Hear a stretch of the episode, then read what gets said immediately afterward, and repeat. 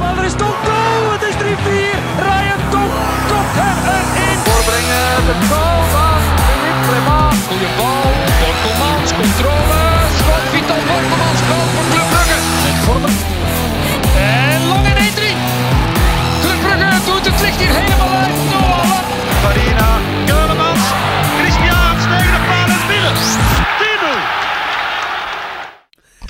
Dag beste luisteraars, welkom bij een nieuwe aflevering van De Klokken, een voetbalpodcast voor en door Club supporters.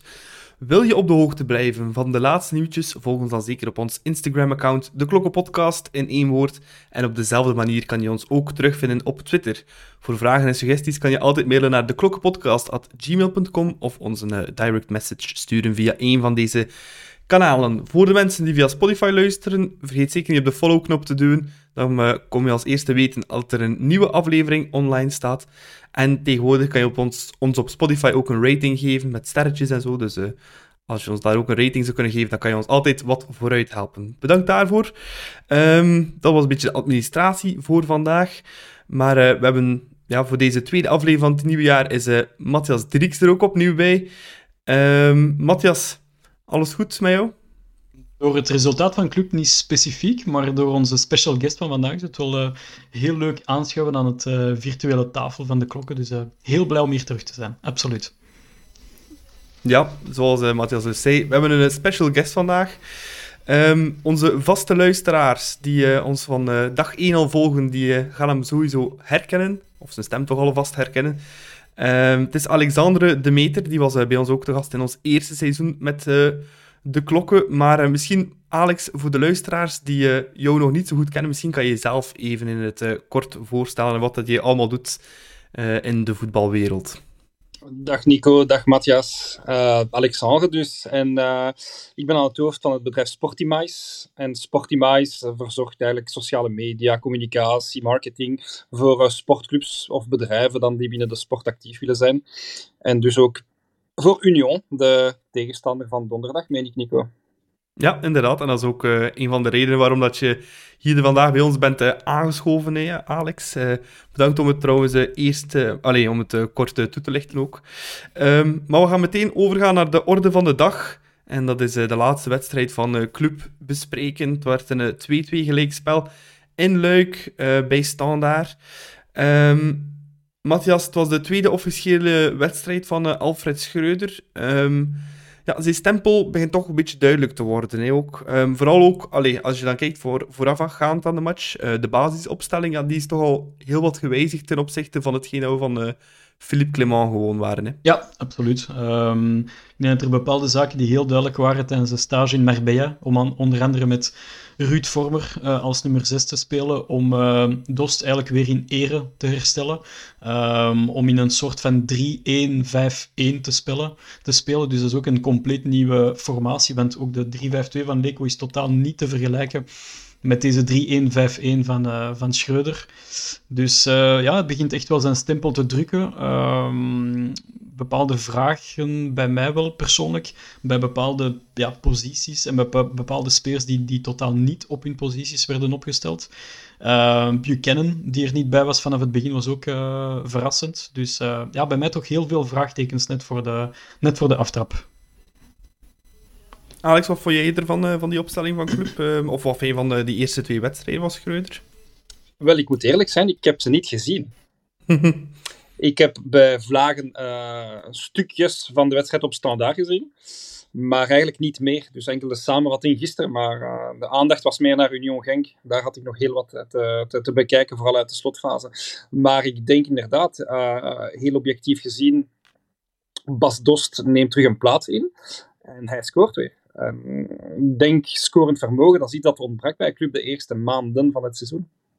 Ja, nee, klopt volledig. Eh, ja, en Alex, ja, club, je hebt, eh, zoals je zegt, ja, vlagen van die wedstrijd gezien. Maar je hebt wellicht ook eh, die eerste afgekeurde goal gezien van club. Eh, schitterende combinatie door midden en lang die afwerkt.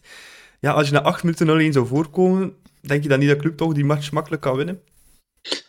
Club heeft al bewezen dit jaar, ook, sta, ook al staan ze 2-0 voor, dat ze de wedstrijd soms uit handen kunnen geven. Uit, uit, is het uit nonchalance? Is het uit Ehm, te veel zelfvertrouwen? Is het ehm, de ploeg die dan niet samenhangt of die er genoeg van heeft? er zijn veel mogelijkheden, maar het is al gebeurd dit seizoen. Dus denk ik ook al op een in een leeg Clessin kom je 0-1 achter.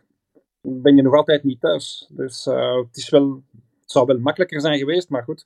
Ik denk dat buitenspel wel overduidelijk is ook. Dus, uh, ja, nee, dat, dat valt Maar het is wel een heel mooie actie en daarvoor kijken natuurlijk uh, naar de toppers. Ja, maar, denk je niet dat dat iets is? Je zegt van ja, die nonchalance in die ploeg, dat was toch iets dat wij, allee, of, of wij meer met de klokken toch vaak Le Mans verweten.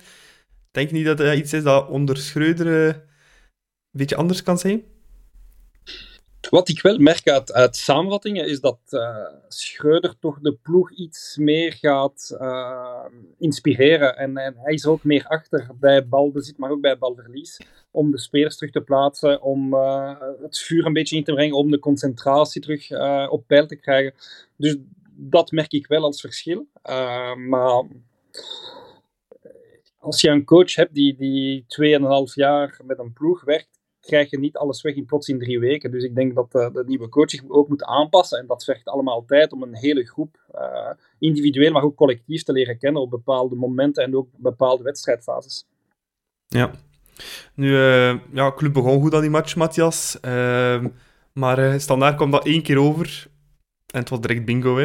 ik ben even aan het kijken. Het was Cafaro. Ja, die dat knap binnen. Vond je dat er veel fout ging bij die goal? Of was het eerder ja beetje toevalligheden die juist in het voordeel van Standaard uh, vielen. Ja, het was vooral typisch. Hè? Uh, in de zin van, um, je voelde ook dat Standaard ons op twee manieren pijn konden doen. Enerzijds uh, via stilstaande fases, maar dan nog meer op de counter. Hè? Want we zagen al tegen STVV bepaalde spelfases waarbij dat, als STVV over goede aanvallers beschikte, dat ze ons veel meer pijn konden doen in de rug van Ruud Vormer. En eigenlijk die 0-1 was de, uh, sorry, de 1-0 was de het perfecte voorbeeld om hoe kan je nu club gemakkelijk pakken uh, op de counter. En natuurlijk standaard, ja, dat is totaal geen dominante ploeg. Ze, ze spelen echt een, een snertseizoen tot nu toe. En uh, ja, die goal van Cafaro, dat komt een beetje uit het niets, maar uh, dat verwacht je ook om zo plots die, die goal te maken. En zoals Alex helemaal terecht gaf, um, een coach kan niet van, van dag 1 op dag 2 heel de ploeg veranderen van mentaliteit. Dus ik hoop wel dat dat niet te diep ligt in, in de kleedkamer en in de, in de algemene mentaliteit van die spelerskern. Maar de, de manier waarop dat club goals binnenkrijgt de laatste tijd, dat is wel een beetje ja, angstaanjagend.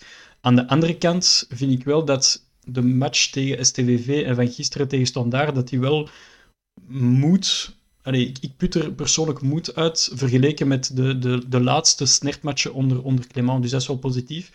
Maar er moet iets gedaan worden verdedigend, want uh, het is al maanden dat het probleem blijft hangen eigenlijk.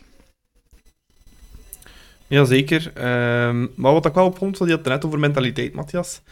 Um, de mentaliteit na de tegengoal was wel zeer positief, vond ik. Want het was niet uh, ja. met de kopjes naar beneden. Uh, Uh, maar aangeslagen, het was wel direct, kom jongens, we gaan er hiervoor en we gaan die direct voor die gelijkmaker. Hè, want uh, alleen wat volgde was wel een karrevracht aan kansen. Hè, ja, ja. En een uh, goed club. Hè. Het, was, het, was, het was een topclub. Ik, ik vond ons eerste helft op standaard misschien niet de, de beste helft van, van heel het seizoen, maar toch wel een van de betere helften. En we konden gemakkelijk drie of vier goals scoren met een beetje geluk. Dus uh, die 1-1 van, van Dost, ja, dat, is gewoon oververdiend. Het was ook een mooie goal trouwens. Um, de combinatie met de, met de buitenspelgoal van Noah Lang gaf al een beetje de, de aanzet tot, tot mooi combinatievoetbal. En zo wil Schreuder ook spelen. Dat is een totaal, totaal andere aanpak. Want eh, we hoorden vaak toen bij de aanstelling van Schreuder, het is eigenlijk een copy-paste van het Clément voetbal. Ja, sorry, maar daar ben ik dus totaal niet mee eens.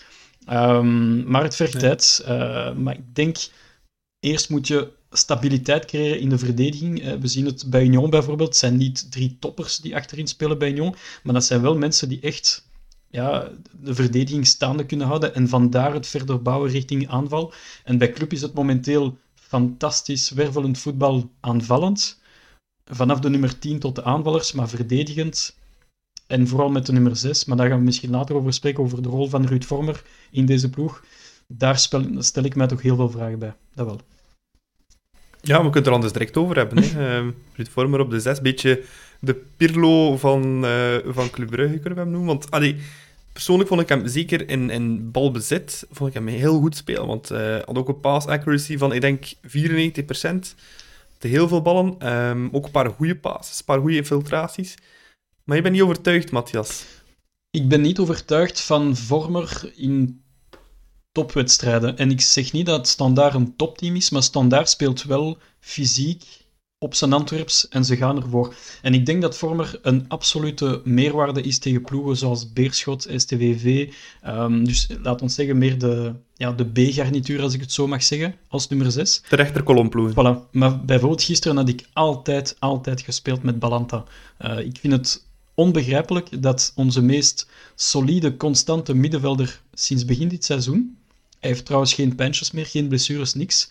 Hij is helemaal uh, ja, topfit en, en hij speelt echt op zeer hoog niveau. Het is zijn beste seizoen trouwens. Dat men Balanta aan de kant schuift voor een, een, een ja, Ruud Vormer in een Pirlo-rol, dat vind ik toch wel heel vreemd. Je kan het wel doen, maar zeker niet in elke wedstrijd. En ik hoop dat Balanta wel in eer wordt hersteld binnenkort, want we gaan hem nog heel hard nodig hebben uh, voor de verdediging. Dat spreekt wel voor zich. Ja. ja. Alex, uh, jij volgt het bij voetbal uiteraard ook al jaren, dus uh, Ruud Vormer ken je uiteraard ook. Zie jij je in hem, zie jij die, die nieuwe rol in hem of niet? Ik keek ook heel raar toen ik het uh, vernam dat hij plots op de 6 moest spelen, maar ook, ook gezien de leeftijd lijkt mij dat niet echt ideaal. anderzijds, box-to-box ligt dat ook nog wel. Maar ik denk dat je met, met Ruud Vormer nog heel veel oorlogen kan winnen en niet enkel tegen Serrain of tegen Beerschot, maar ook in, in toppers kan hij nog altijd van belang zijn. Eén, met zijn ervaring. Twee, uh, hij vuurt iedereen ook aan. En drie, hij geeft ook nooit op. Dus ik ja. denk, laat, laat de coach eigenlijk ook beslissen en laat hem ook iets testen. Nu op leeftijd, hij is wel op een leeftijd dat hij niet meer veel moet testen, maar waarom niet het proberen waard? En wie weet uh, wat daar nog uitkomt voor de rest van het seizoen voor club. Ja, maar er, er is een bepaalde ja, stelling dat, dat, er vaak wordt gezegd van Balanta dat het geen uh, meevoetballende uh, middenvelder is. Maar dat vind ik, ja, ik vind dat zo'n beetje brak van bepaalde mensen die dat, die dat denken. En maar dat, dat vind ik niet correct. Allee, ik vind meevoetballend wel, maar aan vormer ga je aanvallend meer hebben dan aan Balanta. Ja, ja, absoluut. 100%. Maar in zo'n wedstrijd zoals zes. gisteren had ik, hem, had ik altijd Balanta gezet. Omdat je weet dat je op de counter gepakt kunt worden. En we spreken nu over, over Vormer versus Balanta. Uh, maar ik denk dat we gisteren heel hard een, een Kosonou hebben gemist. Typisch. Omdat hij een, een pijlsnelle verdediger is. En dat was zo iemand die zodanig veel heeft um, ja, uh, opgekuist de voorbije twee seizoenen. Als er bepaalde ja, probleempjes waren in de rug van de verdediging, hij ging ze nog halen, die aanvallers. En dus, ja, hij kon nog een aanval helemaal uh, ja, kapot maken. Maar nu is dat niet het geval. En sta je daar een beetje te sukkelen met, met duo Hendry en Mechelen, die niet exact op hun positie ook niet spelen. En ja, dan ga je nog heel veel goals binnenkrijgen. En we spreken nu over een, een ja, tam standaard. Maar wat zal het geven tegen straks Anderlecht, Antwerp, Gent, Union, noem maar op. Dus ja, de, de, verdediging moet echt wel stabieler worden. En men spreekt vaak over transfers van Skof Olsen en aanvallers en flankspelers, et cetera. Ik denk dat er, dat er echt wel een, een nieuwe, snelle centrale verdediger naar club moet komen. Want dat is voor mij de absolute topprioriteit, vind ik persoonlijk. Mm -hmm. Daarover gaan we het uh, straks zeker nog hebben over uh, de transfers. Ja, Alex, uh, je wil nog iets zeggen? Nee, ik dacht eigenlijk, als ik club analyseer, ik denk dat je een leider nodig hebt. Want Mechelen heeft al heel veel bewezen bij club. maar hij heeft ook geen, geen leidersfiguur. Klopt. En dan heb je Hendry, die boordevol, boordevol beter talent zit. Maar ik zie ook niet meteen een leider in hem. En dan heb je Stanley en Sokki, die nu ook niet bepaald altijd even accuraat is nog een leider is. Dus ik denk dat je dat een beetje ontbreekt uh, op het veld in de verdediging. Ja, want ik denk talent is er genoeg. Mechelen is een zeer secure verdediging, maar is geen leider. Ik denk dat Sokki persoonlijk ja, is denk ik in mijn ogen intrinsiek onze allerbeste verdediger, maar dan moet het, uh, het hoofd ook meezitten en ja. dat is uh, een beetje het probleem bij Stanley en Sokki, vrees ik. ik doe een beetje denken aan Stefano Denswil in zijn eerste jaar bij club. Uh, dus ik hoop dat het ook in diezelfde lijn evolueert naar de volgende seizoen of naar de volgende periode aan toe. Want uh, ja, het is, het is toch een probleem van achter. Uh, maar ja, ik kan natuurlijk ook niet nog verdedigers gaan halen. Hè. We hebben nog Rika, we hebben nog Mitrovic. Allee, het moet er eerst vertrekken voordat je er kunt bijhalen. Ja, Mitrovic is, is stilaan en de verhaal. Hè. Dat, dat is binnenskamers. Allee, ik denk dat niemand meer rekent op Mitrovic. En spijtig eigenlijk, want nogmaals, intrinsiek is dat echt een van de beste centraal verdedigers die we, die we echt in onze kern hebben. Maar ja, er wordt niet meer op hem gerekend. En, en Rika, hij is de perfecte stand-in voor uh, Stanley Nsokki op de linker centrale verdediger. Maar omdat er, nu 3-5-2 wordt gespeeld, heeft Rika enkel toekomst bij ons als, als backup, als linker centrale verdediger, maar zeker niet als, uh, als linkerwinger. Mm Nu uh, terug naar de wedstrijd dan, want we zouden anders iets te ver gaan afweken. 1-1 um, aan de rust.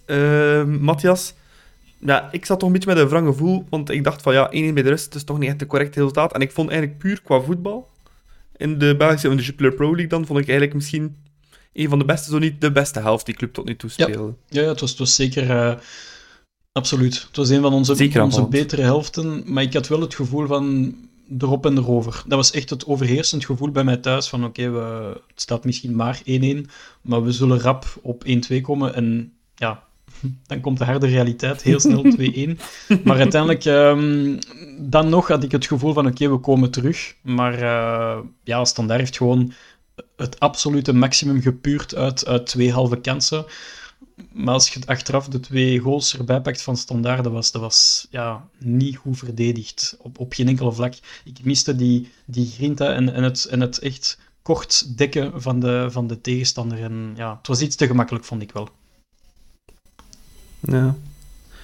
Um, Matthias, ja, in, in onze WhatsApp-groep, uh, begin van de tweede helft, uh, stuurde ja, ik zou uh, Rits eraf halen en uh, Buchanan erin. Ik verklaarde je bijna zot. Maar uh, Schreuder die volgde jou blindelings. ik, had hem, ik had hem een berichtje gestuurd om mijn favoriete clubspeler op dit moment, uh, Tajan Buchanan, erop te spelen. Nee, nee, ik...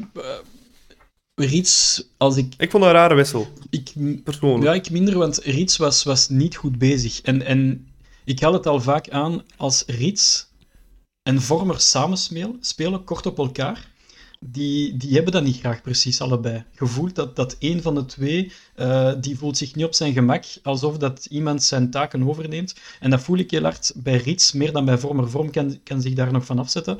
Maar bij Rits heb je vaak het gevoel aan, hij is voor mij is Riet zijn, zijn allerbeste posities op de nummer 8 met een, met een Balanta of met een Nakamba of met een Mbamba achter zich. Echt een, een echte nummer 6. En bij Vormer heb, je vaak het gevoel van, ja, pakt jij het over, pak ik het over, het is niet duidelijk. En gisteren was zo typisch een, een eerste helft waarbij dat iedereen redelijk goed was bij club, maar iets bij de mindere. Dus dat is misschien een reden waarom dat Schreuder dacht van, oké, hier moet ik iets veranderen. En nogmaals, ik denk dat Schreuder ook het gevoel had van, oké, het is is 1-1, maar club is zoveel beter dat we nu echt aanvallend gaan spelen. En, um, en ik denk dat ja, Buchanan heeft toch wel al veel moois getoond in zijn, uh, in zijn uh, wedstrijd tegen STVV. Dus hij verdiende het ook, vond ik, om, om ja, een invalbeurt te krijgen. Ja, Alex, ik weet niet wat jij daar denkt, maar mijn logica in mijn hoofd is nog altijd van...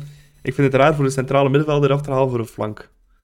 Want dan verander je sowieso je systeem toch een beetje je verandert, je verandert jouw systeem, maar het hangt ook af van uh, het spel van de tegenstander en wat, wat de tegenstander ook doet. En zoals ik zei, ik heb de wedstrijd niet helemaal gezien, maar Luca kennende, het is een heel verticaal spel uh, van standaard. Dus op dat moment, als je ook een, een, snelle winger hebt, kan hij ook wel terugkomen. En zeker één helft kan, meen ik, uh, Tejan wel heen en weer lopen. Dus ik kan het wel ergens volgen. Uh, nu was Standaard ook wel heel snedig, wat ik uit de samenvatting heb gezien. En dus ben ik niet altijd akkoord met Matthias, want uh, er zijn toch vier doelrijpe kansen ook voor Standaard. En ze moeten er maar één scoren, dat je daar met nul punten achter blijft op Sclessin. Ja, uh, dat is helemaal correct. Ja, en zeker, ja, we hadden het net al aangehaald, 2-1, juist naar de rust, Matthias. Ja, dat is om, om je kloten van op te fretten. Hè. Ja. ik kan het niet anders, ik kan niet anders verwoorden, maar dat is toch voor zot van te worden. Ik speelt dat zo in match, je denkt, ja, kom erop en erover, drie minuten ver, hup. En het is dan weer typisch dat Emon is juist terug bij standaard en scoort hij tegen ons zijn eerste goal. Ik ken de West-Vlaamse gezegde niet, maar uh, het kan best kloppen. Maar uh, nee, nee, absoluut. Uh, daar heb je 100% gelijk in. Um, je weet dat Emon gaat scoren tegen club. Er zijn zo spelers... Ik denk aan Mbayeleje, ik denk aan Emon. ja, dat zijn zo van die klassieke spelers die altijd tegen club scoren. Uh, Alex knikt waarschijnlijk bij Waligora, uh, bij Lommel uh, of misschien andere. Voilà. Dus, Dieter de Kelver. Dieter de Kelver, Great Minds Think Alike. Maar nee, nee, dat is gewoon zo. Er zijn spelers die tegen club altijd en overal scoren. Van Aken, Frutos. Van Aken tegen Anderlecht, Frutos tegen ons, ja, dat, is, uh, dat hoort erbij. En als je ziet, Emon wordt terug naar standaard getransfereerd en je weet dat je dan een week later tegen club speelt. We hebben het trouwens gewhatsappt uh, onder ons, hè, Nicola, in de WhatsApp-groep van oké, okay, Emon gaat sowieso scoren, daar, kunnen wij, daar, daar moeten wij zelfs een bed op plaatsen. Uh, het was een typische Emon-goal. Ik had beter gedaan. Ja, het is, het is uh, als een roofdier in de box, meteen tikken en voorbij Mignolet. Maar ik vond het aan zich veel te veel tijd en ruimte voor uh, Raskin om voor te zetten. En daar mis ik een... Ik denk dat een Balanta daar scherper op zou verdedigen, op zo'n Raskin, waardoor dat die voorzet niet zou komen. Um, maar uiteindelijk, ja, perfecte aanval van Standaard en een heel mooie goal. Dat het verdiend ja. is, dat zeker niet. Nee, op dat moment perfecte aanval van Standaard. Ik vond het ook gewoon niet scherp verdedigd. Ja, ja. Alex, uh, allee, denk Mechelen in dat duel niet, maar ook, ja, het wordt gewoon niet genoeg druk gezet op die voorzet ook. Hè. Ja. ja maar vergeet niet, 90% van de tegengoals van eender welke ploeg, dat is ook een, een, er gaat een fout aan vooraf. Is het een offensieve fout, een verkeerde paas waaruit je balverlies leidt? Is het een, een middenveld die niet meeloopt of de gaten niet vult? Is dat de verdediging die de bal weggeeft? Ik denk, ja, 90% van de tegengoals komen daar ook uit. Um, en zoals we daar net hebben aangehaald, eens dat je niet echt een leider hebt in jouw verdediging, uh, eens dat er spelers zich nog moeten te zoeken en vinden, dan, uh, dan krijg je dat eigenlijk. En dat is ook een proces om sterker te worden. Ja, ja maar ik vond het opvallend, ze stonden met zes op een lijnbee-club. en ja, niemand die of die voorzet pakt of, of die, of die die voorzet tegenhoudt of, of, of die bal gaat, uh, gaat onderscheppen. Ja, het heeft, het heeft, het heeft, te maken met, allee, het heeft allemaal te maken met... Dat is wel een moment dat ik je wel gelijk geef, Matthias, voor Ruud Vormer, want hij stond daar ook gewoon op de rand van de 16 niks te doen, terwijl ja. eigenlijk, als je een goede centraal verdediging middenveld bent, dan moet je daar gaan pressen. Maar het is ook niet zijn taak. Je, je, weet, Schreuder weet als hij Vormer op de 6 zet, dat hij aanvallend heel veel gaat teweegbrengen. We zagen het ook bij die mooie assist op Dorst uh, in die wedstrijd tegen STVV. Maar in fases waarbij dat club echt scherp druk moet zetten en verdedigen, dan heb je niks aan Vormer. Maar echt letterlijk niks. Want Vormer is gewoon geen verdedigend ingestelde speler. En daarom heeft Predom hem toen op de 8 gezet, gehaald bij, um, bij Twente toen. Uh, nee, bij Roda JC? Uh, Feyenoord. Ja, bij Roda, nee, Roda en dan bij Feyenoord. Komt van Feyenoord. Ja, ja, absoluut. Maar ja, Vormer is geen verdedigend ingestelde speler. En gisteren was een schoolvoorbeeld van ja, Vormer die het een beetje laat afweten verdedigend. Terwijl dat een Balanta of een Nakamba in de tijd, want dat was ook zo'n heel snedige, scherpe uh, middenvelder, dat missen we op dit moment. Uh, dynamisme op het middenveld, snelheid en leiderscapaciteiten centraal in de verdediging. En dan een goede flankspeler. Dat zijn de drie hiaten, ja. De, de, ja, de absolute hiaten op dit moment in het clubelftal, vind ik. Ja. Uh, Alex, gelukkig moest club niet te lang wachten op die 2-2. Het was uh, een minuut 60. Allee, op het uur was het alweer uh, van dat was bingo. Wel een goal van mooie makelij, hè? Die gelijkmaker. Ja, en daarom heb je ook Dost natuurlijk in jouw ploeg. Dus het is uit ja, aanval denk ik, training. Je oefent daar dag in dag uit op. Dus, maar inderdaad, maar nadien kom je dan met 10 te staan. En uiteindelijk kantje boordje natuurlijk, om daar nog een punt te kapen op. Ja, die rode kaart, uh, maar Alex. Het was een beetje take one for the team dat Henry moest doen, want het was gewoon een rotpaas van Mechelen. Hè. Het was niet al een al te beste paas, maar inderdaad, uh, dat is ook driest inkomen natuurlijk. Ik, ik, weet niet in hoeverre dat je nog kan terugkomen of, of kan laten gaan op Mignolet. Dat is Carcella, die, die is weg volgens mij. Ja, maar in 1 tegen 1 is Simon Mignolet toch ook heel sterk. Hè. Dus um, je moet een ja. keuze maken op dat moment. En inderdaad, uh, Stel dat dat na, na 13 minuten gebeurt, wat bij andere ploegen al gebeurd is, niet zo lang geleden, dan ben je daar natuurlijk uh, een hele wedstrijd met 10 tegen 11. Dus uh, het, is, het is het afwegen van de verdediger op dat moment. Ja, ja. Ik, vind, ik, vind het, ik vind het persoonlijk een fout van Mechelen. Ik vind het geen fout van Henry, want ik denk dat, dat 90% van, van de spelers zoals Henry hadden gereageerd. Um, inderdaad, Mignolet had waarschijnlijk 50% kans om die bal te pakken. Maar als verdediger moet je wel de intentie hebben om toch voor die bal proberen te gaan, want met een klein beetje geluk herstel je wel en, en raak je wel tot die bal. Maar ja, Kerselay is wel vinnig en, en snel, ondanks zijn 32-jarige leeftijd. Maar uh, de paas van Mechelen is, is gewoon ja, catastrofisch. En, en ja, je voelt ook Mechelen, hij had vorig jaar Kosonou naast zich, en dan voel je ook Mechelen helemaal opfleuren als hij zo'n leider naast zich heeft. Maar ja, naast Henry is het niet de perfecte combinatie. Nog in een viermansverdediging, nog in een driemansverdediging. En ik blijf erbij, als je Matta niet als rechter centrale verdediger beschouwt, om dan een keuze te maken tussen of Henry of Mechelen, want het is geen en-verhaal, maar een of-verhaal, die twee, dan maak je het gewoon jezelf moeilijk. Kies voor een van die twee, maar kies niet voor allebei tezamen, want dat, dat lukt, dat werkt gewoon niet. Ja, de laatste 10 minuten speelde hij daar wel in, Matta. Ja, moest wel. Als rechter centrale verdediger. Moest Ja, moest wel. Het was, eh, het was uit noodzaak. eh. Dat is ook een van zijn beste posities Ja. aan Mata. Absoluut. Ja, nee, sowieso. sowieso. Hij heeft er zelf een, een, 100% een, een ja. van gemaakt, dus ja. Op zijn doellijn. Ja, daar ik het net over heb, want eh, op het einde was het een eh, ja, krankzinnig slot nog eh, eh, op uh, Sclessin. Een Kulu. Een Kulu toch? hè? Nkunku. Eh, trapte me van heel kort bij. Een Kunku. Ja. Ja, hetzelfde naam als eh, de Leipzig-speler dan. Eh. Ja. Anders Ja. geschreven, maar inderdaad. Ja. Ja, op dezelfde manier uitgesproken. Ja, als eh, we ooit zo ver komt, Matthias, dat eh, Mignolet geblesseerd is of rood pakt en we hebben geen wissels niet meer, dan weten we wie dat we in een goal moeten zetten. Hè? Clinton Matta toch? Clinton kan alles. Hij kan overal. Zet hem aanvaller, middenvelder, maar bon, je kent wel mijn enthousiasme en mijn, eh, mijn liefde voor Clinton Matta als speler. Eh, nee, Matta, Matta zal zich al... Laat Matta spelen tegen KM Torhout ehm, in de voorbereiding of, of een Champions League-wedstrijd of, of op Sclessin.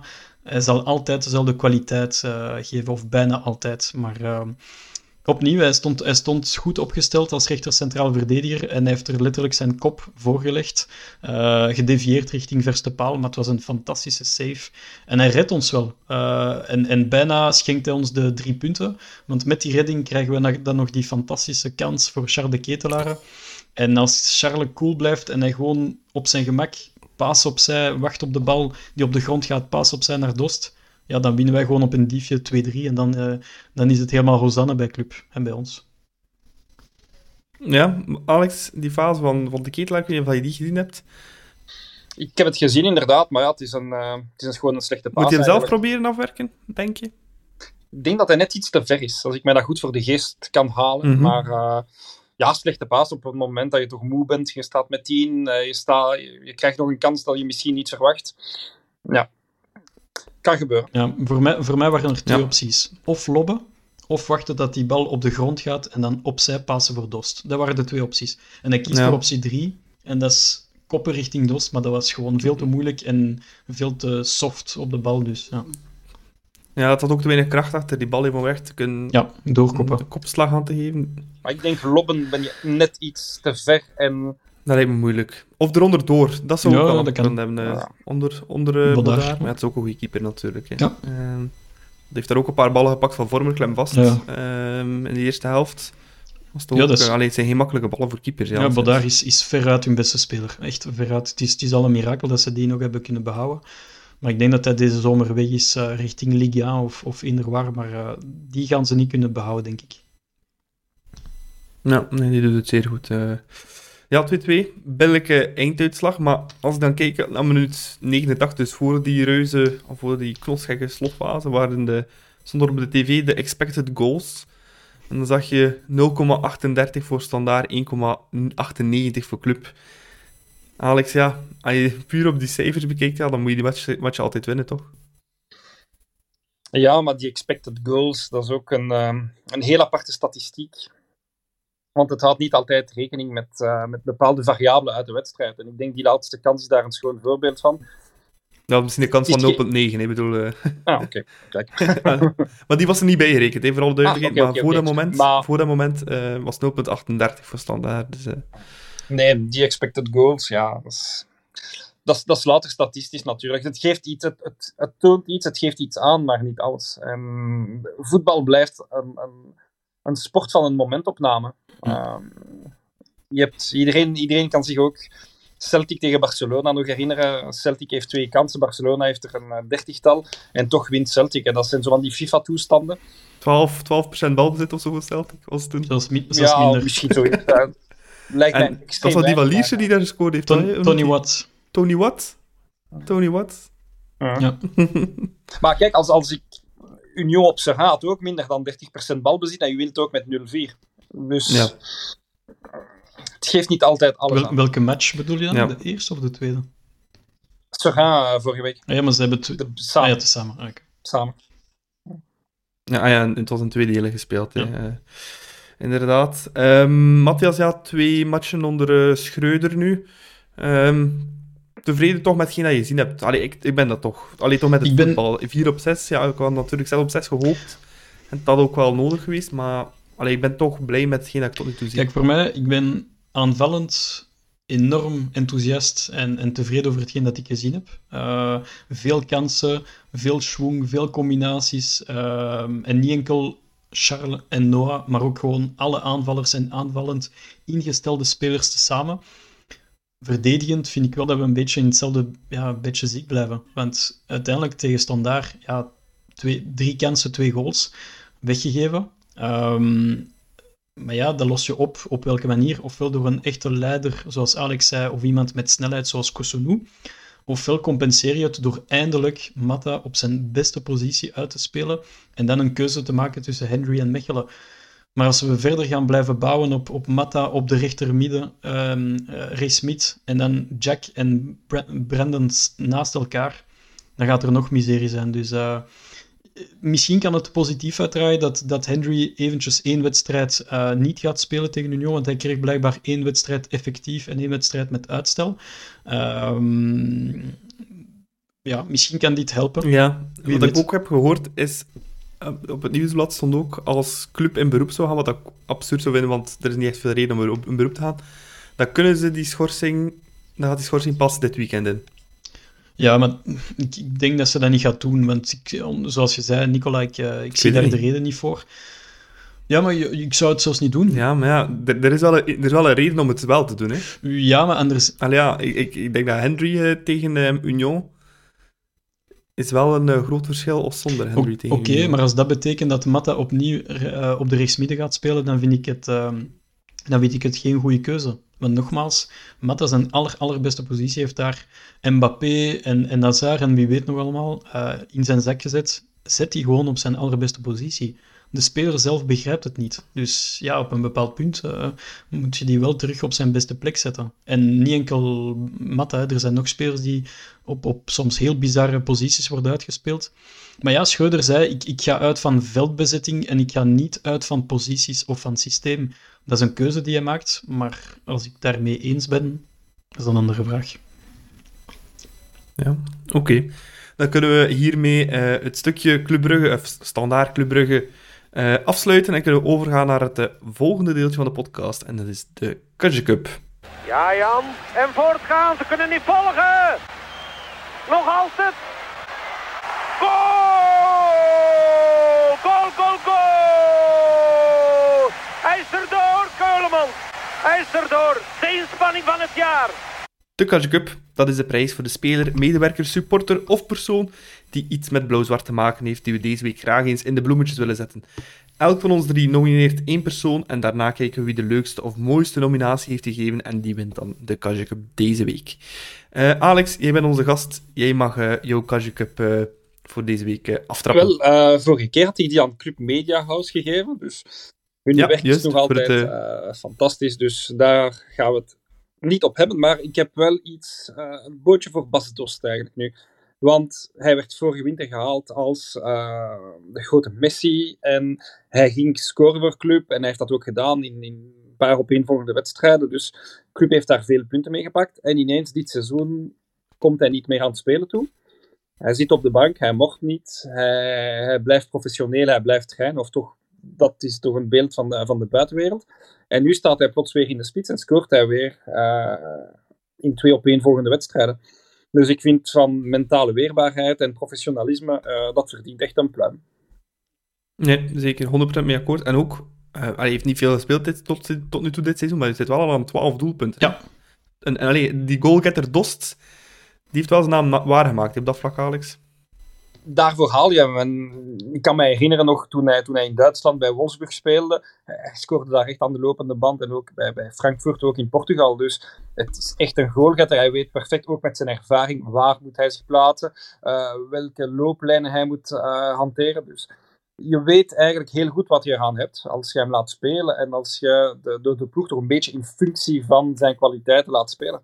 En dat is nu bewezen ook. Maar ook een pluim vooral voor zijn, zijn professionalisme gewoon van de afgelopen maanden. Zeker, zeker. Vind ik heel terechte, heel terechte nominatie. Matthias, jouw nominee voor de Kaja Cup. Ik heb gekozen voor een nieuweling die ik heel graag in de bloemetjes wens te zetten, want hij, hij maakt toch wel een, een best goede indruk sinds zijn aankomst. Uh, dat is Tajan Buchanan. Um, Buchanan is eigenlijk een speler die uh, ja, werd gehaald in Amerika, uh, die net de, de play-offs heeft gemist heeft, want ze waren wel veruit eerste met zijn ploeg, maar dan is er zo'n soort van, we denken vaak dat de play-off ehm, in Amerika... Ja, anders moet ik het systeem er even keer uit. Ja, ja, doe maar, doe maar. In, in, Amerika heb je een, een, Eastern Conference en je hebt een Western Conference. En ik denk dat het zo is dat de eerste, of de eerste zes van elke... De eerste zes uh, van elke conference spelen tegen elkaar. De eerste is altijd al gegarandeerd in de halve finales. En dan komen die samen en dan heb je eigenlijk play-offs eigenlijk met knockouts. Ja. Een beetje dat je een bekercompetitie is... hebt. Uh, en daar zijn ze uitschakeld in de halve finales uiteindelijk. Ja. Uh, na penalties. Het is wel een heel unfair systeem, want we denken vaak play-off 1, play-off 2, et cetera. Dat is zo halvering, et cetera. Maar... Het is zeer spectaculair, ja. Ja, het is, het is op zijn Amerikaans. Het is een uh, Amerikaans systeem. Alex, je wil iets inbrengen over het systeem van de MLS? Geheim, als je van dichterbij analyseert. Het is echt naar Amerikaans systeem. En de, ja. de, de, er zijn geen clubs en franchises daar. In functie van budget en vaak ook vanuit... Uh, cijfers uit, uit, sociale media, van hoeveel fans dat ze ook hebben in het stadion, op sociale media, is er toch wel een logica terug te vinden in de einduitslagen. Ja. Nu en dan heb je daar een ploeg tussen, Kansas, denk ik een paar jaar geleden, die daar tussen glipt. Maar doorgaans heb je toch uh, 80% mm. van de tijd wel een, een, een, zekere logica. En dat is ook waar Amerika bijna, bijna naar streeft. Uh, ja. Het is ook een competitie waar je niet uit kunt degraderen. Hè? Nee, dat is het principe van, van een franchise. Dus de, de liga is helemaal ja. gesloten. En in functie van uh, heel veel uh, cijfers en variabelen moet een ploeg dan, uh, kan een ploeg dan eigenlijk promoveren. Promoveren tussen aanhalingstekens. Ze kunnen eigenlijk starten met hun bestaan. En ze kunnen ook van, vanuit New York naar Los Angeles of naar, naar een andere staat of een andere stad gaan om, om, om daar verder te gaan. Dus bijvoorbeeld nu, je hebt Charlotte FC ook, die nu ontstaat. En het eigenaardige, zij hebben nu al een stadion van uh, 75.000 plaatsen. Dat ze ook delen met de lokale um, voetbalteam. En ik dacht tien dagen geleden hadden ze al 45.000 tickets verkocht voor hun eerste wedstrijd. Ja, en zo'n ploeg heeft amper 25.000 fans op Facebook bijvoorbeeld. Dus uh, mm. naar Amerikaans model leeft dat wel is iets nieuws. En uh, plots ontstaan daar ploegen en uh, de MLS wordt steeds groter ook. Ja, ja, dat is ook een... Allee, voor de neutrale kijker, denk als je echt supporter bent van een ploeg, dat het soms is om je aan bloed te ergeren. Allee, ja, ja. bloedhekel aan te hebben, omdat je ja, een beetje makkelijk erin en eruit ligt. Die ploeg van Buchanan, die spelen loskampioen in de conference en van veel vallen dan eruit door penalties te verliezen. Maar voor de neutrale supporter is het wel iets heel interessants om maar te bekijken. in Amerika heb je ook... De, de, de, in België en in Europa, je hebt jouw ploeg, het is, het, is, het is de club uit jouw hart, je gaat er altijd voor supporteren, zolang dat die er bestaat voor de meesten. En je kan niks anders hebben. En de, de consumptie of de sportconsumptie in Amerika is ook van, ik wil spanning. En als je naar, Ja. naar Miami Heat gaat tegen, eh, tegen Golden State en na, na, voor de start van de vierde quarter staan ze al 20 of 25 punten in het krijt, loopt de zaal leeg. Niet omdat hun ploeg aan het verliezen is, maar puur omdat de spanning weg is. Je moet entertainend zijn, Ja, natuurlijk. Maar dat is een, dat is een totaal Dat is- andere visie dan de Europese visie. En, en dat is gewoon zo. Maar eh, ja, het is uiteindelijk spijtig voor Buchanan, want hij wordt, eh, ja, zoals we zeiden, uitgeschakeld op penalties. Eh, Positief wel voor club, want dat betekent wel dat hij, denk ik, toch wel één à twee weken vroeger eh, in België arriveerde, waardoor dat hij echt wel een volle maand heeft kunnen uitrusten. Want hij was, eh, denk ik, eind november ergens of begin december was het eh, gedaan met zijn ploeg. En dan heeft hij echt drie, vier volle weken kunnen, ja, kunnen rusten. En zijn eerste dagen wa- waren meteen in Marbella, dus ja, er is geen betere manier om jouw ploeg en jouw collega's te leren kennen. Ehm, ja, werd meteen heel positief onthaald door zijn collega's eh, en, en medespelers bij club, want iedereen zag meteen zijn kwaliteiten. En ik denk Schreuder ook, want hij zette meteen titularis tegen STVV, nota bene niet op zijn favoriete positie, maar op links. Eh, en zelfs daar maakte hij een topindruk en ook zijn, zijn tweede helft op standaard.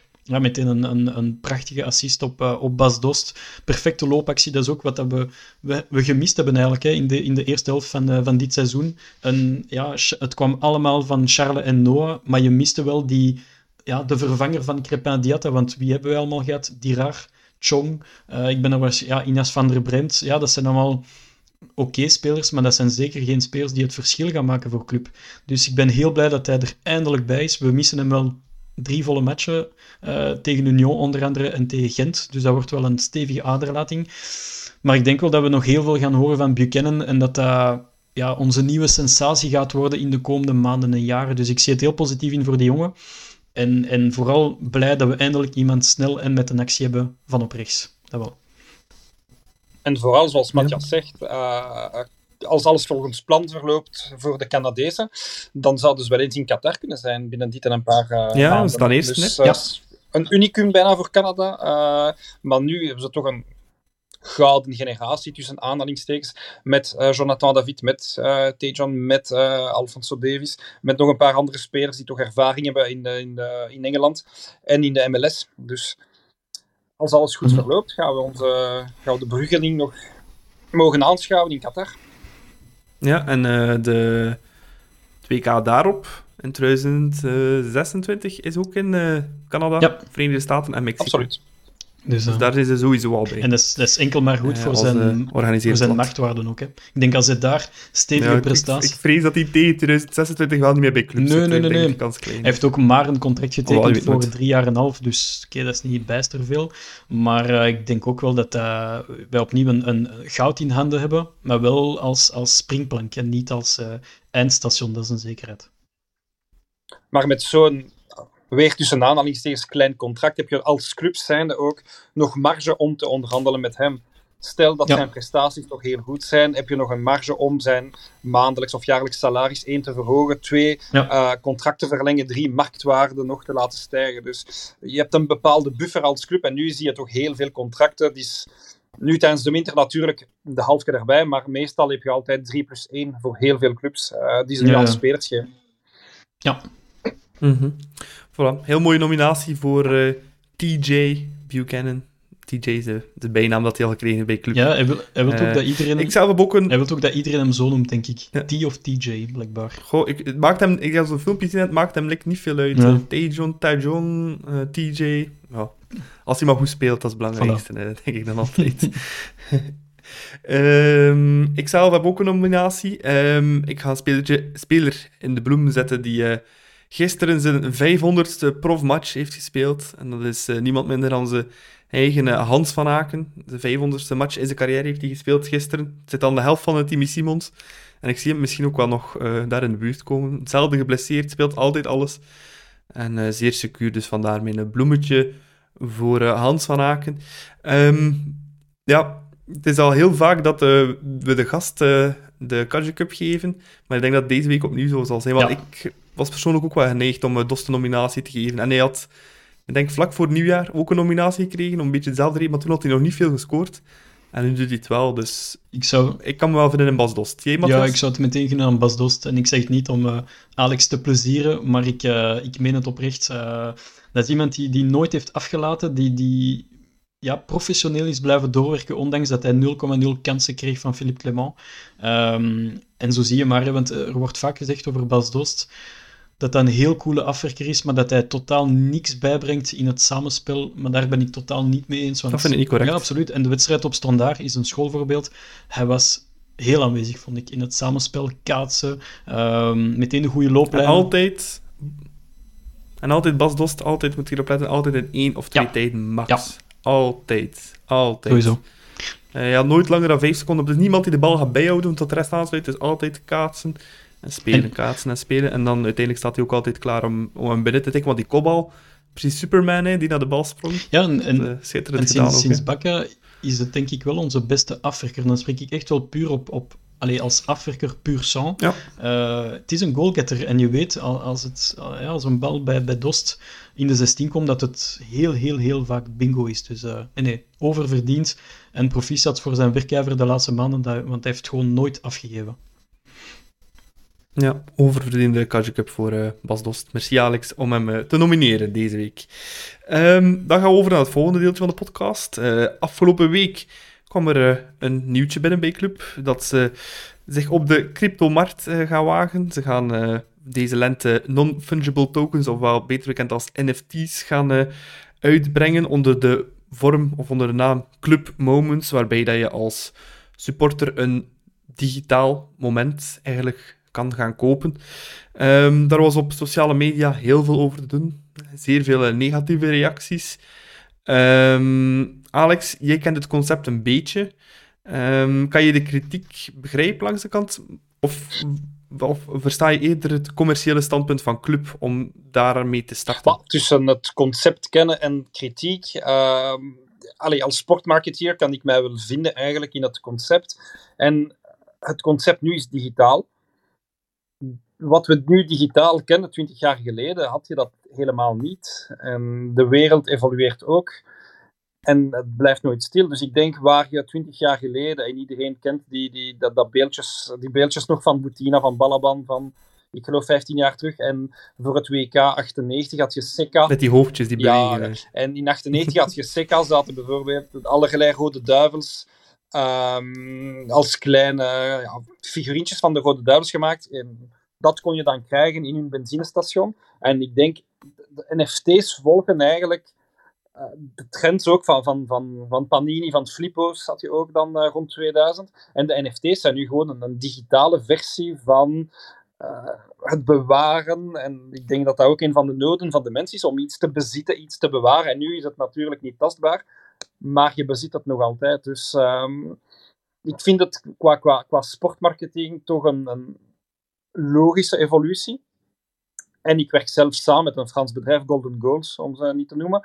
En ze maken dat ook voor de Franse markt, voor, voor Nantes pakweg, en uh, voor Monaco ook. Uh, straks misschien kunnen we Philippe Clement aankopen, wie weet. Um, maar nee, je hebt wel... Uh, Matthias, ben je, zou je hem aankopen, Philippe Clement? Ja, al mijn aandelen daarop smijten, dat is het beste wat ik kan doen. Nee, maar, maar het, het, concept leeft wel. En oké, inderdaad, je koopt momenten aan en je bezit eigenlijk maar eigenlijk een, een, een officieel document. Ja, dat is een beetje mijn punt eigenlijk. Alleen dat is hetgeen waar ik een beetje probleem mee heb, is...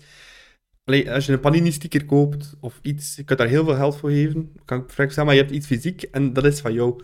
Ik denk zo'n clubmoment dat je kan kopen, je bent eigenaar van dat moment, dat staat op een documentje. Maar het is niet dat je de enige bent die dat kan zien. Het is niet dat ineens, stel dat je nu een goal, de goal van Hans van Aken op Anderlecht daar uh, koopt met die fantastische volley, dat jij dan het auteursrecht of het, uh, het recht zal hebben om, om, om, dat, om, om als dat ooit nog, ook nog een keer viraal gaat, dat je daar eh, de, de winsten van haalt. Of dat je de enige bent die dat beeld bezet. Dat hangt wel af, natuurlijk. Dus dat ik zo raar Want nu, Club werkt samen met, met Simba. Ik ken het eerlijk gezegd niet. Uh, maar wat het concept met Golden Goals, waarmee ik samenwerk, wel is, je koopt eigenlijk de, de, de licentie aan met cryptomunten en een bepaalde valuta. En stel dat dat pakweg, dat is 10, één valuta is 10 euro waard. Je zet 10 euro daarop, maar je kan het altijd doorverkopen. Jij mhm. verkoopt het door tegen de prijs dat je wilt, dus jij kan jouw geld, tussen aanhalingstekens, of jouw valuta wel terughalen. Maar de, de, de, de, officiële eigenaar, en dat is Club, krijgt dan wel 20% bij elke transactie. Ik weet niet of het nu ook het geval is, maar het zou wel denk logisch zijn, denk ik, dat je dan een bepaald percentage krijgt. En eens dat dat de wereld ronddraait, het is eigenlijk in het voordeel van Club. Uh, en laat ons niet vergeten, oké, Club is nu sinds een paar jaar top in België. Wij hebben corona gekend, dus economisch gezien is het toch niet zo fantastisch de laatste twee jaar. En er is heel veel verlies, meen ik, als je de cijfers van, uh, van vorige week ook bekijkt. En het is eigenlijk een nieuwe manier om ook geld binnen te halen. En als je als club eerste wil blijven, dan moet je innoveren. En als je wilt innoveren, moet je geld halen. En als dat niet uit uh, het commercieel uh, aspect kan, sponsors bijvoorbeeld, omdat je daar al misschien aan een bepaald plafond zit, door jouw stadion, door jouw infrastructuur, door jouw accommodatie, dan moet je een andere pad gaan bewandelen. Dus ik kan sommige fans wel volgen dat ze dat niet gaan hebben, omdat de, de, de, de mens is nu eenmaal heel conservatief in zijn consumptie. En ook in zijn consumptie van, van sport, van voetbal, maar ook van gadgets bijvoorbeeld. Maar anderzijds kan die club heel goed volgen in een, een nieuwe markt te bewandelen om extra inkomsten te halen. En dat heb je nodig om te blijven evolueren en om sterker te worden en om groter te worden. Ja, ik denk, ik denk wel dat je Want ik, ik, lees, ik las vaak op, op Twitter en op fora, et cetera, ja, ze verkopen eigenlijk gebakken lucht. Dat is, dat is wat dat er wordt verteld en gezegd over het, over het eh, concept. Aan de andere kant heb ik wel het gevoel, je zet niemand in het zak. Want de, de, de persoon die niet wil investeren, die doet het gewoon niet. Dus uiteindelijk, wie, wie wilt investeren, doet het. Wie niet wilt investeren, doet het niet. Dus... Ja. Allee, ik versta, allee, ik ga, ga een beetje... Oei, sorry, ik zat hier tegen mijn micro. Ik zal een beetje veralgemeniseren, maar... Um, nee, langs de ene kant, ik versta het economische reden waarom dat club het doet. Versta, van het commercieel standpunt versta ik het 100% dat ze het doen. Maar wat dat je zegt, Matthias, um, als je het niet doet, dan doe je het niet. Maar het probleem is dat ik een beetje heb, is dat je binnen club ook heel veel supporters hebt die no matter what het sowieso aankopen. En dat dat vaak ook niet de mensen zijn met de breedste portefeuille en het grootste verstand, die eigenlijk niet goed weten wat daar ze eigenlijk aan het aankopen zijn. En dat vrees ik soms een beetje Ja, dat is waar. Um, het... Dat ze dan eigenlijk het geld gaan halen waar het eigenlijk niet zou mogen gehaald worden. Dat is, allee, dat is mijn persoonlijke opinie daarover. Um, dus ja, daar heb ik dan een beetje moeilijk ja, misschien, mee. Misschien is het ook een Ehm, beetje de opsomming van de laatste tijd. Hè. Allee, we hebben het ook samen besproken op WhatsApp. Um, ik ken het concept niet zo, even goed als, als jullie allebei heren. Maar aan de andere kant, ja, club begint meer en meer marketing en salesgewijs enorm te investeren. Um, zoals Alex perfect zei, de mens is aan zich conservatief en vooral de Belg is conservatief. Um, maar aan de andere kant, ja, het is, het, is uh, het coronageld, uh, abonnement, niet terugbetaalde wedstrijden. Het is, ja, het is echt een opsomming van heel veel zaken, waardoor dat eigenlijk de, de ja, neutrale supporter toch wel een beetje het gevoel heeft van jullie hebben mij een, een fantastische collector retro shirt beloofd als ik mijn geld bij jullie laat zetten. Dat was persoonlijk mijn geval ja, dan zie je zo'n zwarte polo uh, thuiskomen en, en denk je van oei, maar dat is totaal niet wat ik had gehoopt of gevraagd. Maar dat is een van de vijf, zes, zeven elementen die, die, die je kan opsommen. En dan komt die NFT'ers erbij en dan heb je weer het gevoel van, ja, maar uh, wat is dat hier eigenlijk? Dus uh, ik kan het gevoel begrijpen. Ja. Mij persoonlijk heb ik daar totaal geen voeling mee en ik ga daar ook niet investeren. En dan voel ik mij ook niet in het zak gezet. Dus iemand die, die niet gewoon blindelings ja. gaat volgen, zal niet de negatieve het, gevolgen van hebben. Het, het, ja, maar je ja, Alex, zeg maar. Een, een, het is misschien gelanceerd op een verkeerd moment, want je bent nu in een negatieve perceptie rond club. Want je staat op de tweede plaats, je staat nu negen punten achter op Union. Het is onverwacht voor iedereen. Ook, ook voor mij, voor het seizoen had je mij dat gezegd, dat ik jou gek verklaard. Maar je bent op een, op een moment van, oké, okay, we moeten iets lanceren, want uh, lente komt eraan en het moet wel op een bepaald moment naar buiten gaan. Maar de Ja, perceptie rond club is niet goed op dit moment. Dus je gaat op, op zo'n moment wel ook al meer kritiek halen dan Mhm, stel ja. dat je in de omgekeerde positie bent met 9 punten voorsprong op, eh, op de rest van het land. Ja, Dus dat, Ja. speelt, dat speelt er ook mee. Maar anderzijds heb je wel, club blijft innoveren, club blijft dynamisch. En dat zijn zo van die, die, die NFT's in de liga. Je hebt meer en meer clubs die dat aanmaken nu. En het zijn gewoon de vaandels van een bepaalde wedstrijd, bijvoorbeeld. Dus over het Ja, gebakken het. lucht, ja, je kan dat zo zien, maar je kan het ook wel zien als een, een, een evolutie. En wie weet wat de toekomst nog brengt. Wie weet, in 2030 is alles bijna digitaal eh, rond een, rond een club. En dat maakt dan Ja. deel uit. En Allee. op dat moment, onze kinderen misschien, die dan 10 of 12 zijn, die gaan dat super normaal vinden. En in onze tijd was het wel, ja, maar kijk, ik had een panini-kaart en ik had een, eh, ik had een pop nog van Balaban. En dan lachen ze jou bij manier van spreken wel uit. Ja, ik versta het. Maar ik blijf het zeggen, vanuit commercieel standpunt versta ik het volledig.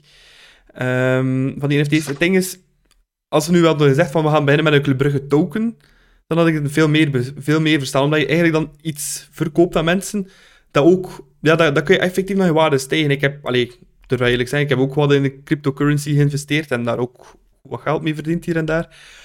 Dus als je met zoiets begint, dan dan geef je wel iets dat ook effectief waarde heeft. En dat kan je voor mee doorkomen. Heel veel andere clubs doen dat ook. Ik heb ook eh, Arsenal tokens. eh, het zijn er Lazio heeft er eh, onlangs gelanceerd. Ehm, Inter Milaan speelt met shirt sponsors met zijn eigen Inter token. Maar dat is iets dat effectief een, een, een, een waarde heeft. Terwijl dat, dat met die NFT's mm, heb ik toch het gevoel dat dat toch minder is. Ik hoop dat de fiscus niet, niet meeluistert, Nico. Maar dat is een verkeerde, Ja. een verkeerde fan van de podcast. Maar uh, Ik heb nog niet, ik heb nog niet gecashed. Ik heb nog niet gecashed. Ja, ça va. Eh, Dan- zit je safe. Ik had dat misschien beter gedaan. Ik had dat misschien beter gedaan voor de crypto-volgers. eh. doe dat op een bankrekening op Jersey of zo. Ehm, nee, Ja, dat is je, dat. hebt, je hebt inderdaad je hebt tokens en tokens, dat heeft een bepaalde de, ja, valutawaarde. En NFT's bezit je eigenlijk digitaal iets, maar de NFT kan ook aan waarde stijgen, want je kan het doorverkopen, normaal gezien, kan je het doorverkopen aan de waarde dat je wenst. Dus zelfs ga je daar nee, ook iets uit halen eh, als je het aankoopt. En dat is natuurlijk de hoop van Club nu, is dat iemand het aankoopt tegen een, een marktwaarde van 1 en verkoopt tegen 1,5. Die, en dat blijft eigenlijk door de blockchain, dat na 40 personen kom je dan aan, aan een marktwaarde van 40 terecht, maar Club heeft wel 10% of 20% of 15%, ik weet het nu niet juist, met Simba, gecashed ondertussen. Ja. En dat is eigenlijk de bedoeling van zo'n NFT. Nee, maar inderdaad, de token, Nu, zoals gezegd, van Inter, van Lazio en nu in de Premier League, je hebt steeds meer shirts, Iedereen, hè? sponsors op de, Ja. als sleeve, dus op de mouw, die eigenlijk wel ergens in een of andere NFT, blockchain, crypto eh, actief zijn. Nee, En- ding is, eh, om Lazio Roma terug bijvoorbeeld, die hebben nu als shirtsponsor Binance, dat is een van de grootste online platformen waar je cryptocurrency Mhm. kan aankopen. Je hebt er heel veel. En in de, in de VS nu, die zijn zelfs al bezig met de naming van bepaalde stadions of arenas. En dat is enkele miljoenen per jaar. 6, 7 miljoen dollar Ja, per nee, nee, jaar. klopt. En dat zijn contracten tot bijna 2035. Dus eh, Ja, nee, nee, nee, zeker. Maar dat daar de toekomst in zit, dat is... Dat is eh, allee, dat, dat is mijn persoonlijke mening, dat is zeker. Ehm, maar het zou niet eerlijk zijn om club zelf geen kans te geven om eh, hier ons wat weerwoord te bieden. Dus we hebben ehm, afgesproken, of Nico heeft alvast afgesproken met eh, eh, Maarten de Dobbeleer. Die gaat, die is marketingdirecteur bij club, die gaat hier langskomen in de Klokkenpodcast om onder andere daarover eens te praten, om hun standpunt van club daarover uit te leggen en ook wat meer duidelijk te geven. Want het ding is, het is nu ook nog maar net gelanceerd door Club. Ehm, zonder ook alle details, wat dat je er ook bij geeft. Want er wordt ook gesproken van exclusief content waar dat je toegang tot zou krijgen en zo. Dus ehm, om er al een volledig beeld over te scheppen, dat is eh, wat cru, denk ik.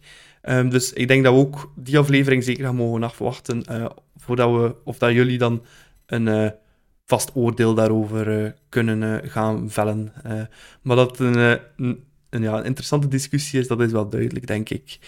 Eh, en eh, niet altijd even gemakkelijk om, eh, om ook te, te, be- te begrijpen, uiteraard.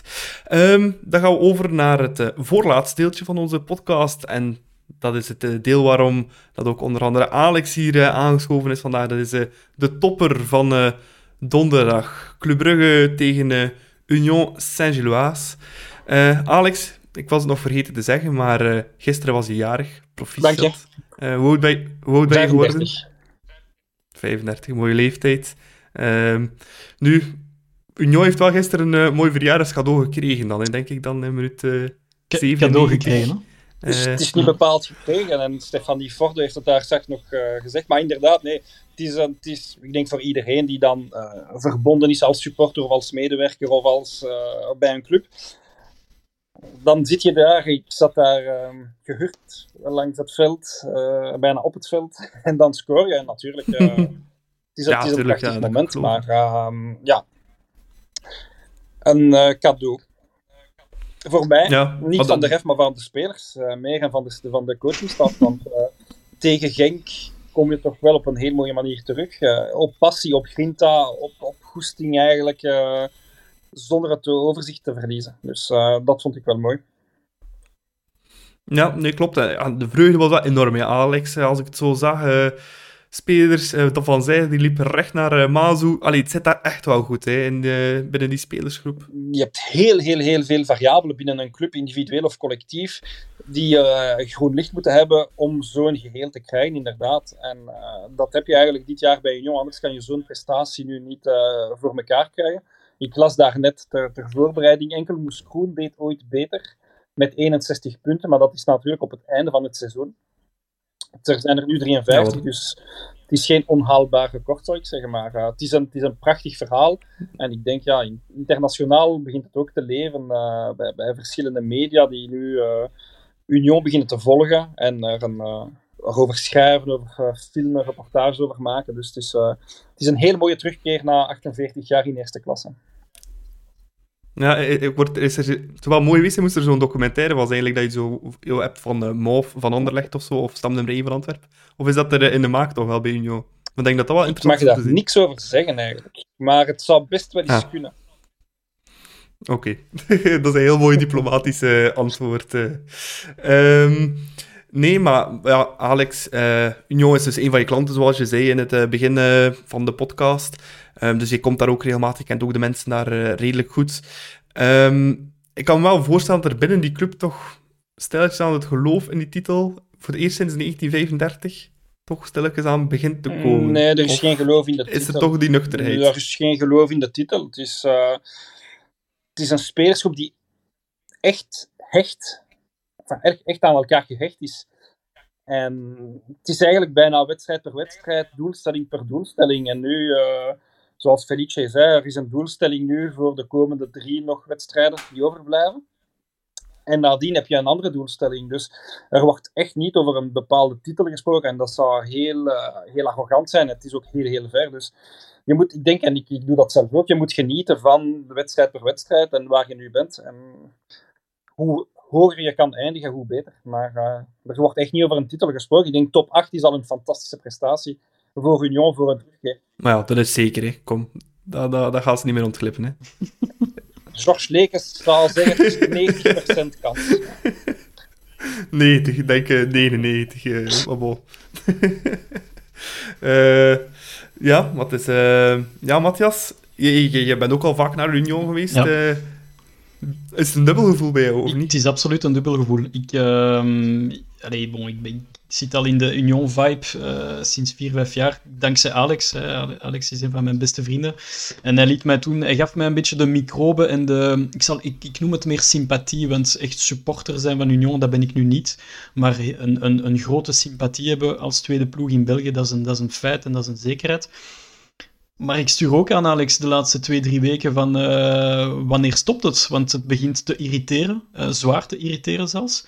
Maar bon, ik, nogmaals, als het club niet wordt dit seizoen, dan hopelijk Union in plaats van Antwerp of Anderlecht of Gent of Genk, natuurlijk. Maar als club niet kampioen wordt en Union wel, dan, dan, ja, dan, dan, schieten wij niet één keer in ons voet, maar tien keer in ons voet. Dat mag nooit gebeuren uiteindelijk. Maar ik gun het Alex, ik gun het Union, ik gun het veel mensen daar ook. Um, en ja, het is een sprookje die mij heel hard doet denken aan Lierse, aan Leicester en aan zoveel clubs, dat je het uiteindelijk hen ook gunt. Maar ik gun het vooral mezelf en club in de eerste plaats. Dus uh, hopelijk stopt het binnenkort en stopt het snel, want het begint een beetje te erg te worden. Maar aan de andere kant blijf ik toch altijd het gevoel hebben van ze worden straks genekt door die play-offs. Uh, door play-off 1 wel te verstaan, want play-off 2, daar gaan ze niet in zijn. Ze gaan wel degelijk in play-off 1 staan, maar ze zullen straks denk ik wel genekt worden door play-off 1. Ja, ik weet, ik weet het nog, nog, zo, nog zo niet. Um, wat ik wel zo heb, alleen wat dat veel mensen zeggen, de play-offs, de play-offs, maar iedereen vergeet dat de, de, het zwaartepunt van de play-offs veel minder... Allee, de play-offs wegen veel minder door dan pakweg ja. drie jaar geleden toen er nog tien matchen play-offs waren. En dat is een wereld van verschil. Um, zes matchen play-offs zijn maar 36 punten. Weet je nog, Club, uh, hoeveel punten voorsprong dat we hadden aan het begin van, van de play-offs vorig seizoen? En uiteindelijk op een haar na missen wij de titel. Ja, dus... klopt, klopt, klopt. Ja, op één punt, op één punt na. Ik, ik de... Maar ja, dan moet je wel als... Dan moet er wel iemand zijn die een top, top, top reeks neerzet. Ja, uh... En dan moet, dan, dan moet Union even slecht doen als dat club vorig jaar deed in de playoffs. En dat was rampzalig. Hè, om, om het, ja, maar ik denk, ik denk dat we nog... Want als ik mij goed herinner, hadden wij acht punten voorsprong bij aanvang van play-off 1. En dat zal Union niet hebben bij aanvang van play-off 1. Ze gaan misschien vier of max vijf punten hebben, maar ze gaan er geen acht hebben. En ze hebben ook niet de ploeg dat wij vorig seizoen hadden. Dus het kan... Allee, ik, nogmaals, als Union de titel pakt met halvering van de punten en play-off 1, ja, dan kun je niet anders zeggen dan honderd keer bravo en chapeau, want ja, dan, dan verdienen ze het gewoon. En ja, het is gewoon...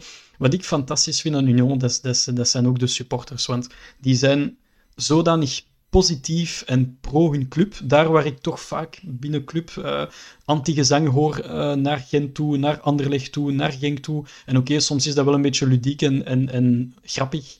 Maar op een bepaald punt... Het hoort erbij ook, maar ja, ik snap, wat je bedoelt. Ik, ik ben fan geworden van Club. Uh, dat was in, 2000, uh, nee, in 1998 was mijn eerste wedstrijd. Ja, toen was het clubpubliek enorm positief en pro-club.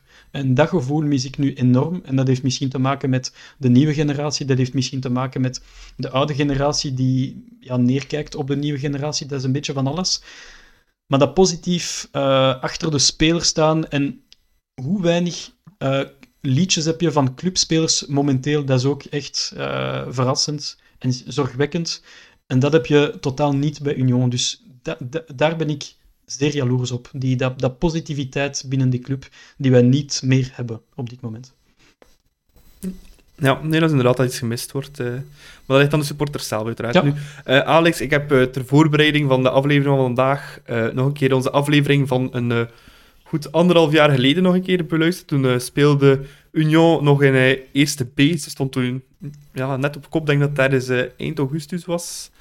Um, en toen was de utopie, we gaan in, uh, allee, om naar eerste klas te gaan. We durf het al voorlopig, allee, zo stilletjes zeggen van, de ambitie is er om naar eerste klasse te gaan. Um, maar nu, uh, ja, als ik, dat scenario, als ik het scenario van vandaag uh, toen had voorgelegd, dan heb je me volledig zot verklaard, denk ik. Dat Union met negen punten voorsprong tegen nummer 2 club ging spelen in, uh, in uh, januari. Had je mij dat zes maanden geleden gezegd, dat ik jou zot verklaard. En had je mij dat ook twee maanden geleden gezegd, dat ik jou ook zot verklaard. Maar ik denk, nee, bij de eerste aflevering, toen je zelf naar, naar Marien bent gekomen, uh, de club was sinds iets meer dan een jaar overgenomen. En, we waren, en toen was het het tweede seizoen na de overname. Na een overname van een club, meestal heb je drie jaar nodig om het project helemaal op poten te krijgen, te stabiliseren en vooruit te kunnen gaan. Wat nu in Lommel bijvoorbeeld niet lukt, pakweg, als voorbeeld. Uh, en toen was de ambitie om te stijgen. Maar stel dat het niet lukt, heb je wel nog een buffer, een derde jaar om het te doen. Dus het is uiteindelijk in het derde jaar gebeurd, zoals voorspeld bijna. En dan moet je je nu als eerste klasser eerst zien te stabiliseren, uh, aan klantenbinding doen. Want oké, okay, de fans zijn fantastisch, maar je hebt een stadion van, van 9400 eh, plaatsen. Je moet dat wel vol krijgen. Nu lukt het wel omdat je eerste bent, maar stel dat je op een twaalfde plaats bengelt in oktober dit jaar, dan moet dat publiek er ook zijn. Stel. Dus klantenbinding gebeurt ook met de tijd en met de jaren heen. Dus uh, ook met een nieuw stadion. Dat moeten we nog uh, zien te vinden in Brussel. Maar inderdaad, het gaat heel snel vooruit dit jaar. En ook al doet iedereen het fantastisch, het is onverwacht voor iedereen. Uh, in de voetbalwereld natuurlijk. Ja, niemand die dat zien aankomen, want uh, bijvoorbeeld Jan Mulder, die uh, zei twee jaar geleden in een interview, je moet opletten Ja, maar dat is wel structureel. Het is, het is op, er is geen termijn op. Het is wel, oké, binnen dit en tien jaar, en inderdaad, en daar kan ik wel inkomen, omdat Union, je bent dan ten zuiden van Brussel, je hebt Anderlecht die dan meer naar de rand, Vlaanderen, uh, een deel van Wallonië trekt om fans binnen te halen. En inderdaad, je kan je branden en positioneren als club uit Brussel, in Brussel, en het Anderlecht moeilijk maken. En daar geloof ik ongelooflijk ook hard in. Maar nu ben je zes maanden ver eigenlijk in jouw 2.0 avontuur in eerste klasse na alles wat er gebeurd is. De laatste 50 jaar met de club. Nu start je eigenlijk in eerste klasse. En als je na zes maanden zo ver staat, oké, het, het is fantastisch. Ja, wat ik wel opvallend vind, alleen het zijn zoveel ploegen, ik denk maar dan een, een Lierse met een uh, Mahet Sami, uh, bij de Leuven hebben ze het ook al gezegd, met het hele Leicester-verhaal. Uh, Beerschot heeft het een paar keer gepretendeerd van ja, binnen de zoveel jaren willen we kampioen spelen, of willen we de, de top gaan aanvallen. Um, waarom lukt het nu met Union wel, wat dat al die andere ploegen niet hebben? Of, of, of denk je echt dat het, of, of is het een lucky shot, denk je, dit seizoen? Het is geen lucky shot, omdat, uh, omdat je een coach hebt die toch heel veel ervaring heeft, die weet hoe dat hij met een, met een groep moet omgaan. En zoals ik daarnet zei, je hebt honderden variabelen, zowel individueel als collectief, die meespelen. En de, de spelers zelf hoe dat daar één geheel van werd gemaakt in functie van hun mentaliteit, van hun kwaliteiten, uh, van hun omgang met, met, met naasten, met de club, met familie, met iedereen. Je hebt gewoon een, een hele samenloop van allerlei variabelen die dan helemaal op, op goed licht zijn. Dus, maar ik zal nog niet durven beweren, Union zit aan de top in België. Dat, dat vraagt jaren. En als je ziet na de fusie van, van Waterschei Winterslag en wat Genk geworden is, dat heeft ook 15 jaar geduurd eer dat ze dan echt als een topclub beschouwd werden in België. En ik denk dat dat niet anders kan zijn voor Union of voor een andere ploeg die, die, uh, die stijgt en die zo'n ambitie heeft.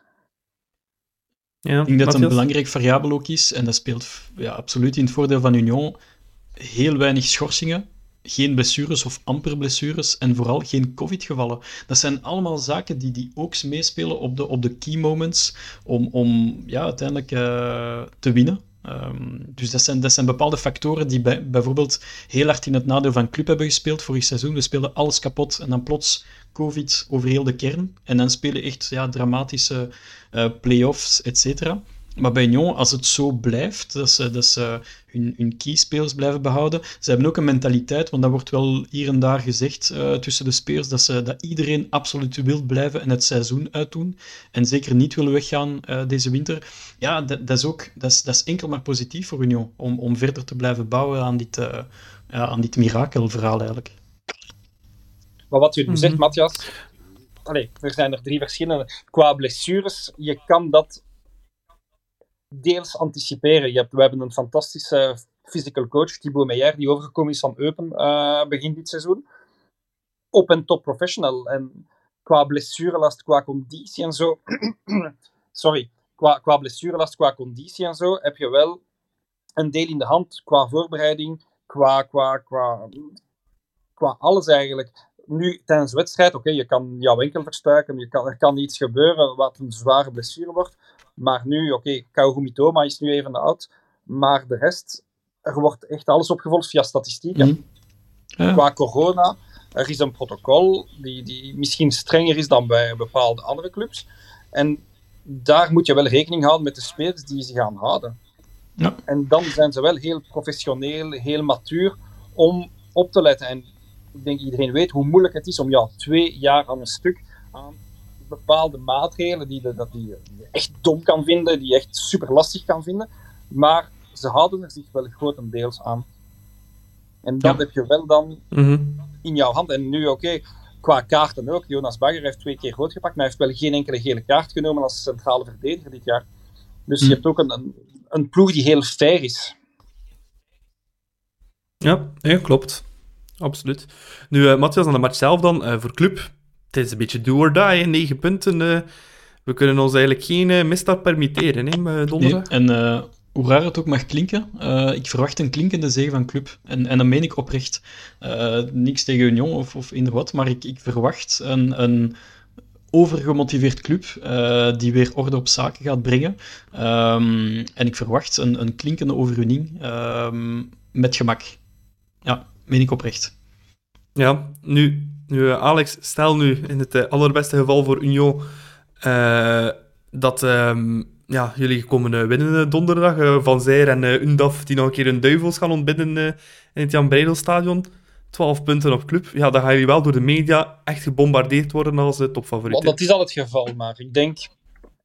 Het, het komt nog misschien niet tot, tot bij de spelers terecht. En ze hebben hun eigen mentaliteit, ze zijn in hun eigen bubbel en ze spelen onder vrienden. Het is leuk allemaal en zo. Dus ook al wat, wat de media zegt, oké, dat is, is part of the game eigenlijk wel. Dus, um, en dat is nu het geval als ik naar Peter van den Men deze ochtend luister. En zo. Maakt deel uit en maakt ook deel uit van een professionele uh, voetballersleven. Dus, uh, maar ik denk, ze zijn ook goed omringd met Felice, met Karel Gerhard natuurlijk. Uh, ze kennen de klappen van de zweep en ze kunnen wel perfect anticiperen op dat soort zaken bij de spelersgroep. Er zijn wel twee, twee ja. voordelen voor Union. Uh, Buchanan zal er niet bij zijn, dat zal een aderlating, mogen we stilletjes aan zeggen. En geen supporters. En dat vooral, want had ja, uiteindelijk uh, de overheid of de regering besloten om, om één dag ervoor wel supporters te laten gaan, ja, dan was het een wereld van verschil, want Jan Breidel met of zonder supporters, dat is gewoon niet hetzelfde. hetzelfde dat weet jij ook, Alex. En, Nicola weet dat ook natuurlijk. Um, dus dat is, ook een, een, een voordeel voor Union. Ja, zeker en vast. Maar ik zie ons wel winnen. Ja, en um, wie zie dat spelen? Want wa waarschijnlijk geen Henry en geen Buchanan, Matthias. Uh, wie verwacht je dan in de basis?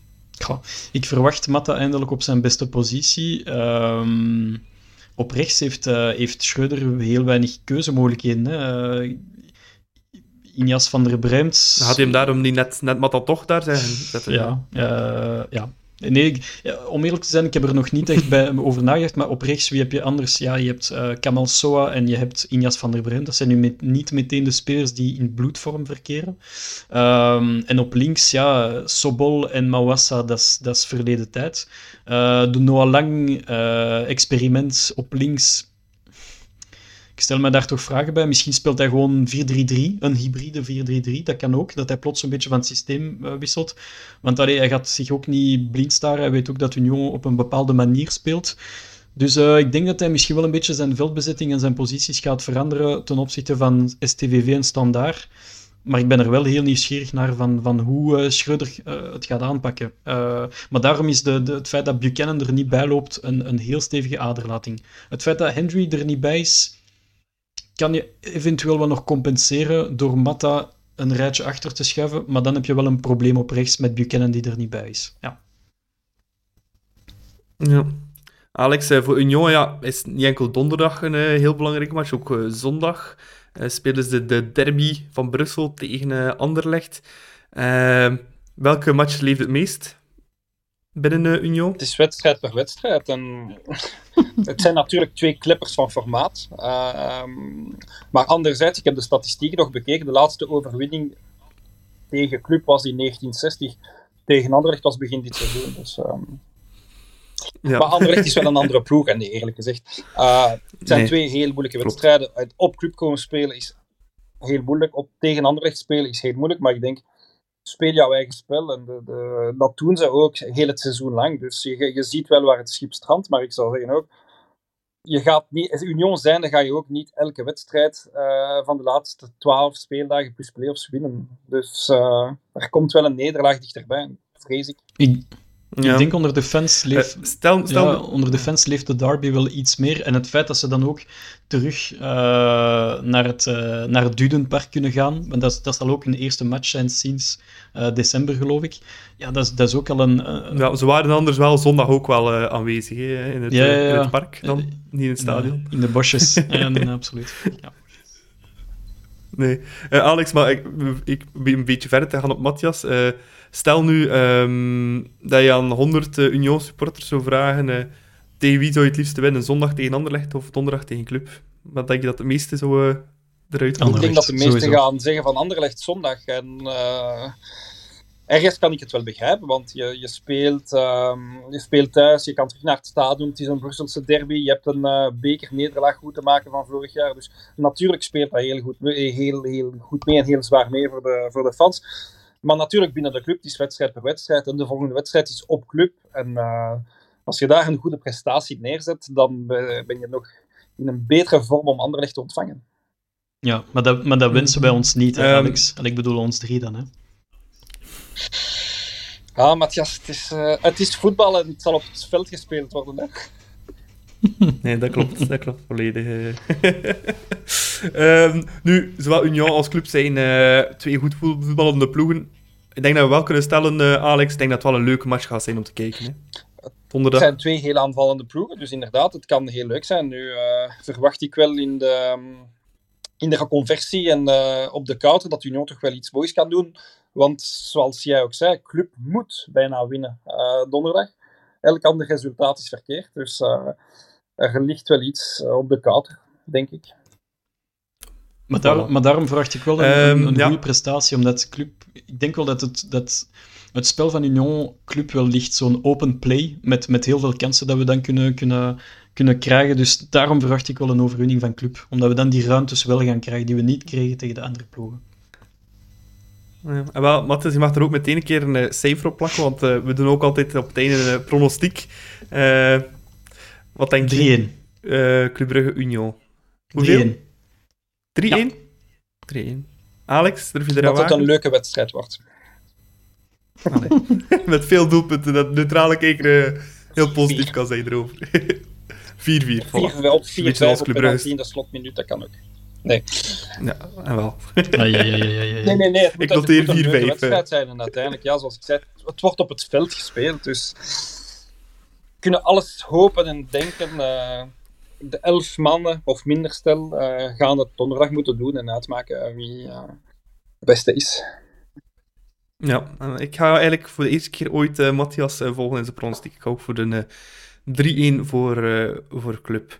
Maar we zullen het donderdag zien in de, de topper tussen uh, Club en uh, Union. Ik zie dat we al een uur en twintig minuten bijna onderweg zijn. Dus we zijn tussentijd ook al helemaal op het einde gekomen van onze aflevering van de klokken. ik ga eerst en vooral Matthias bedanken om er opnieuw bij te zijn, Matthias. Ja, merci om erbij te zijn. en donderdag goed supporteren, denk ik dan Ja, absoluut. Voor de juiste ploeg supporteren, dus club natuurlijk. En ja, zondag even zeer, want dat wordt ook een moeilijke wedstrijd op Kortrijk. Maar nee, nee, het wordt zijn cruciale dagen en weken voor club.